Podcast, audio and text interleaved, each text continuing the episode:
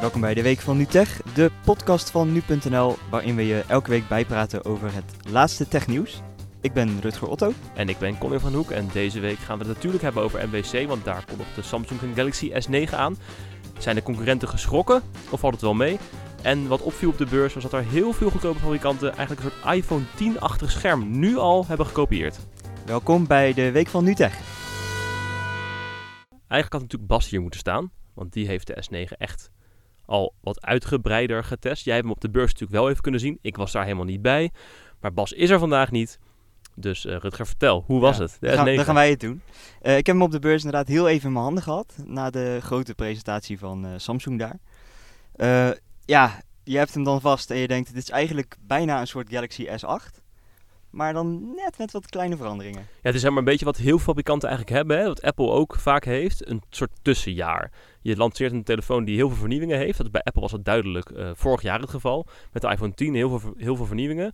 En die zullen waarschijnlijk dit jaar ook een tussenjaar hebben. En Samsung heeft ook een tussenjaar. Vorig jaar was het natuurlijk ook weer eh, de, de S8 toch wel wat baanbrekender dan normaal. Wat nieuwe design eh, veranderingen.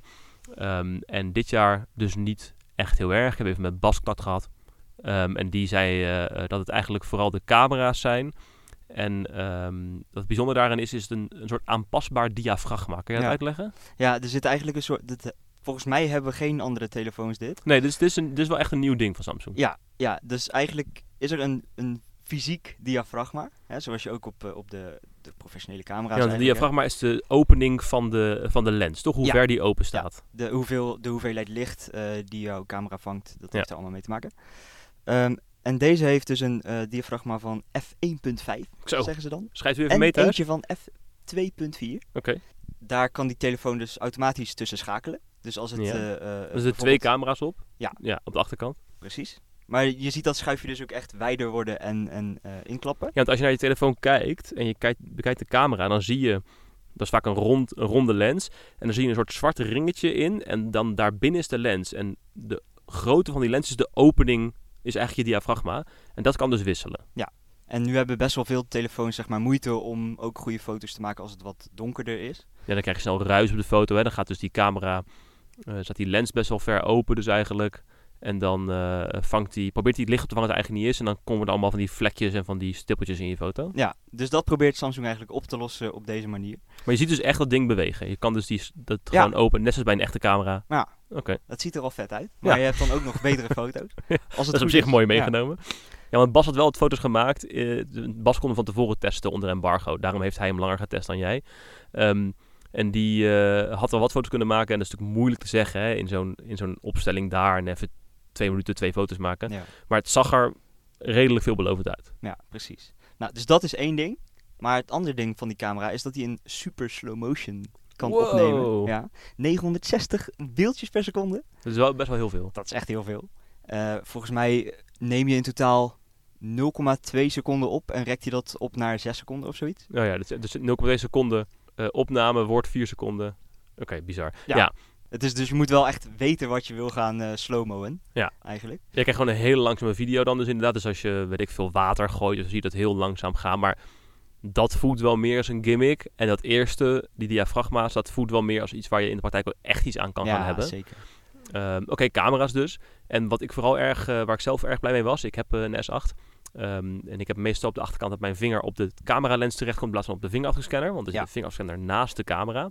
Veel gehoorde Ehm, klachten over de S8. hè? Veel gehoorde klachten. Dus hij is best wel groot. Zeker de S8 Plus, maar de S8 zelf eigenlijk ook al. En dan zie je met je wijsvinger te zoeken naar die vingerafdrukscanner. En dan zit je op de lens van de camera. Heel irritant. En dat konden ze heel makkelijk oplossen. Want waar zit de vingerafdrukscanner nu? In plaats van naast de camera. Onder de camera. Nou, kind Ja, kan er wat het lijkt een heel, heel, heel simpele eh, verandering, maar het is natuurlijk best wel in gebruik. Een Ja. dingetje. Maar dat zijn eigenlijk wel een beetje de soort van twee belangrijkste veranderingen. ja, en je Dus- hebt er nog één. Oh, AR-emoji. ja. Ja, die gaarde ik niet onder belangrijke veranderingen. Maar vooruit. Ga, Precies, ga maar even los. Ja. Ja. Nou ja, kijk, eh, Apple heeft natuurlijk vorig jaar in zijn iPhone 10 de Animoji laten zien. En eh, nou ja, dat vonden ze dan misschien bij Samsung ook wel een leuk idee. ja, er zijn een soort van emojis. eh, alleen die volgen dan de be- bewegingen van jouw gezicht. Ja, En bij Apple werkt dat best wel goed. Dus dan kan je, een, eh, dan kan je zo'n drolletje doen. En dan kan dat drolletje volgt naar jouw mond of Ja. jouw Dus wenkbrauwen. als jij lacht, heb je een lachende drol. Precies, dat heeft Samsung nu ook. Alleen het werkt eigenlijk minder goed. Nou, nou ja, en, het, en hij scant dus je eigen gezicht.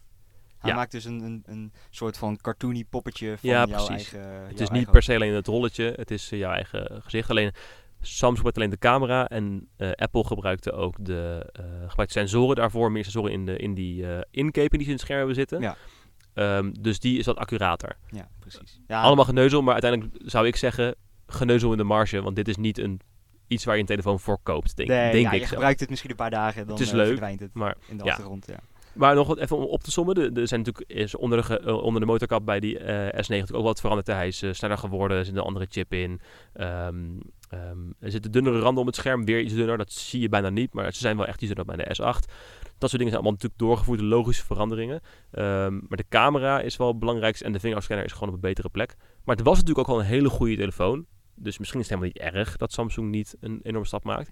Nee. Maar de conclusie is wel, de LG, HTC en Apple, die zijn niet hiervan geschrokken, denk ik. Nee, ik denk het ook niet. Ik bedoel, ik, Samsung heeft natuurlijk wel... Dit is ook zijn dure telefoon, zeg maar. Nog net iets onder de Note 8, denk ik, Ja, qua prijs. Maar 100 euro goedkoper of zo. Ja, maar dan nog, kijk, de mensen die al helemaal eh, in de Samsung-apparaten zitten... die zouden natuurlijk wel eh, eh, eh, een mooi stapje kunnen maken weer. Ja. En je hebt natuurlijk ook heel veel mensen, wij zijn natuurlijk altijd heel erg geneigd te gaan vergelijken met de S8, wat logisch is. Maar er zitten natuurlijk heel veel mensen nog op een S7, op een S6, Zeker. of op hele andere Samsung toestellen, of op een, een LG G4, ik zeg maar wel oude toestellen. Dus voor hen is het een hele grote stap. Het is wel een, gewoon een goede, solide telefoon. Ja. Dat is in ieder geval de eerste indruk. Ja. Hij is vanaf 16 maart eh, verkrijgbaar, dus dan kunnen mensen hem ook echt gaan kopen. Dan gaan we hem natuurlijk ook echt reviewen. Dus dan eh, gaan eh, al deze aannames en verwachtingen die we nu hier besproken hebben, gaan we ook echt toetsen. En Ja. dan weten we echt of die, eh, of die heel goed gaat zijn of niet. Gaan we wat mooie foto's maken. Dat sowieso.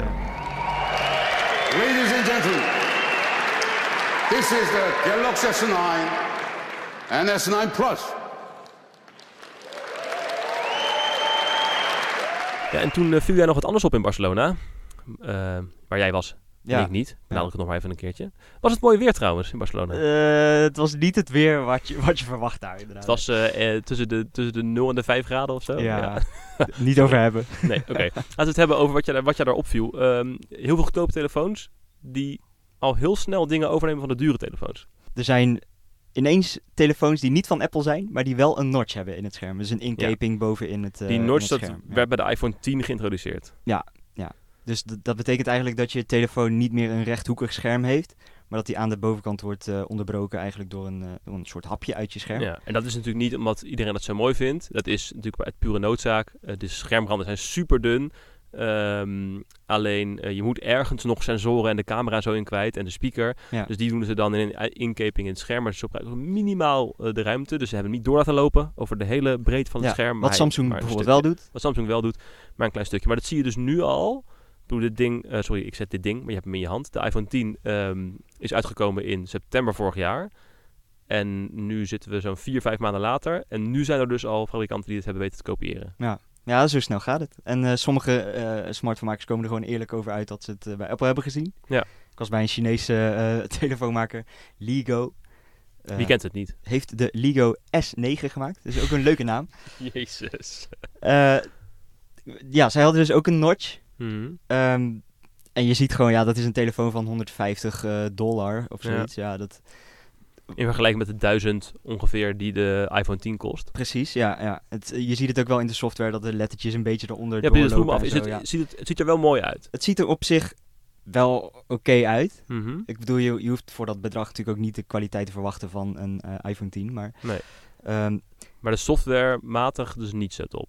nee, en het is ook, zeg maar, wat je net al zei, Apple eh, stopt onder die notch dus best wel veel informatie en sensoren en een projector die eh, al die stipjes op je gezicht eh, projecteert om een scan te maken.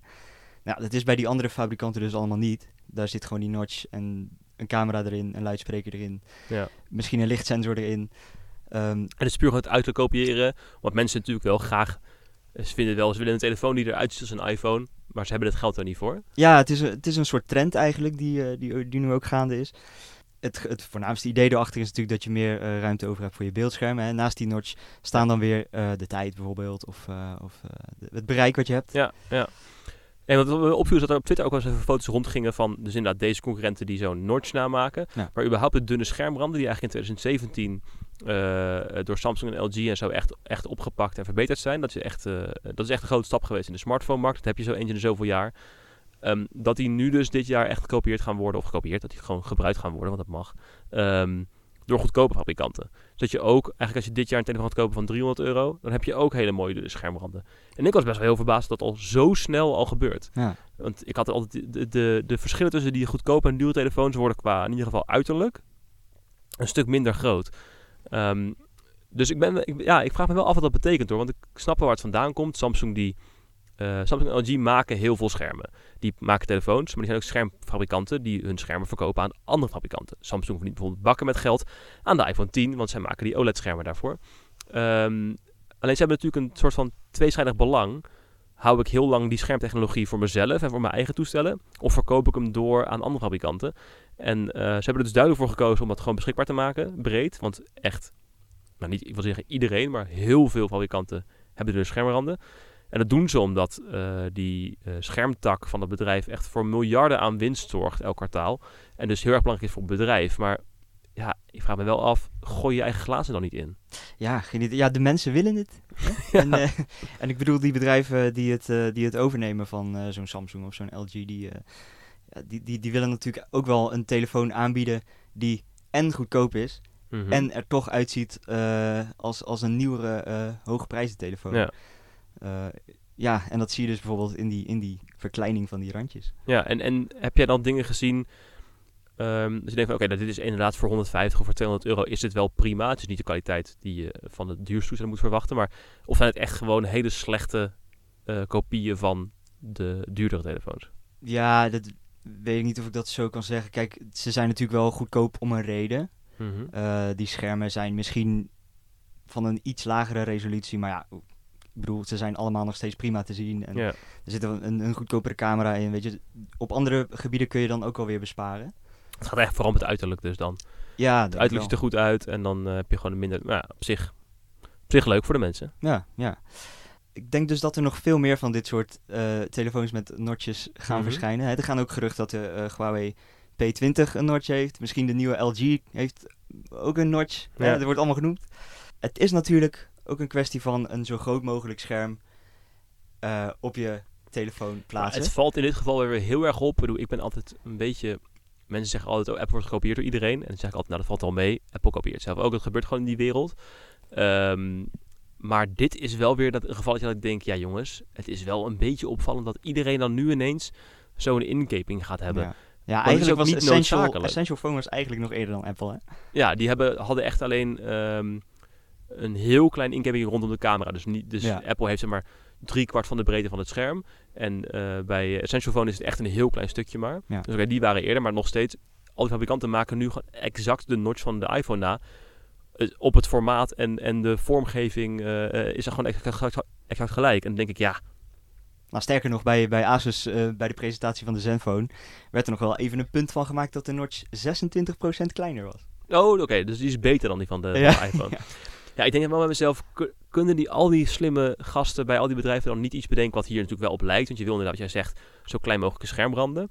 Nou, dat heeft, Apple heeft daar deze vertaling van gemaakt. Kan je dan iets bedenken wat hier wel op lijkt, maar wat toch nog even een iets andere toepassing is? Ja. Nu voelt het gewoon als ze denken, oh, we willen gewoon een telefoon maken die zoveel mogelijk op de iPhone lijkt. En dan verkoopt die vast wel goed of zo. Ik vind, ja, Ja. ik ben altijd toch een beetje teleurgesteld in de innov- innovativiteit van die bedrijven. Ja, en er was toch ergens achter gesloten deuren, Oeh. was er nog een, een concepttelefoon te zien van Vivo. Oké, Vivo Apex werd dat, eh, werd dat genoemd. En dat is dus een telefoon met een volledig scherm aan de voorkant. Zonder inkeping, zonder eh, zichtbare camera. oké. En daarin zit dus een cameraatje die uitschuift aan de bovenkant.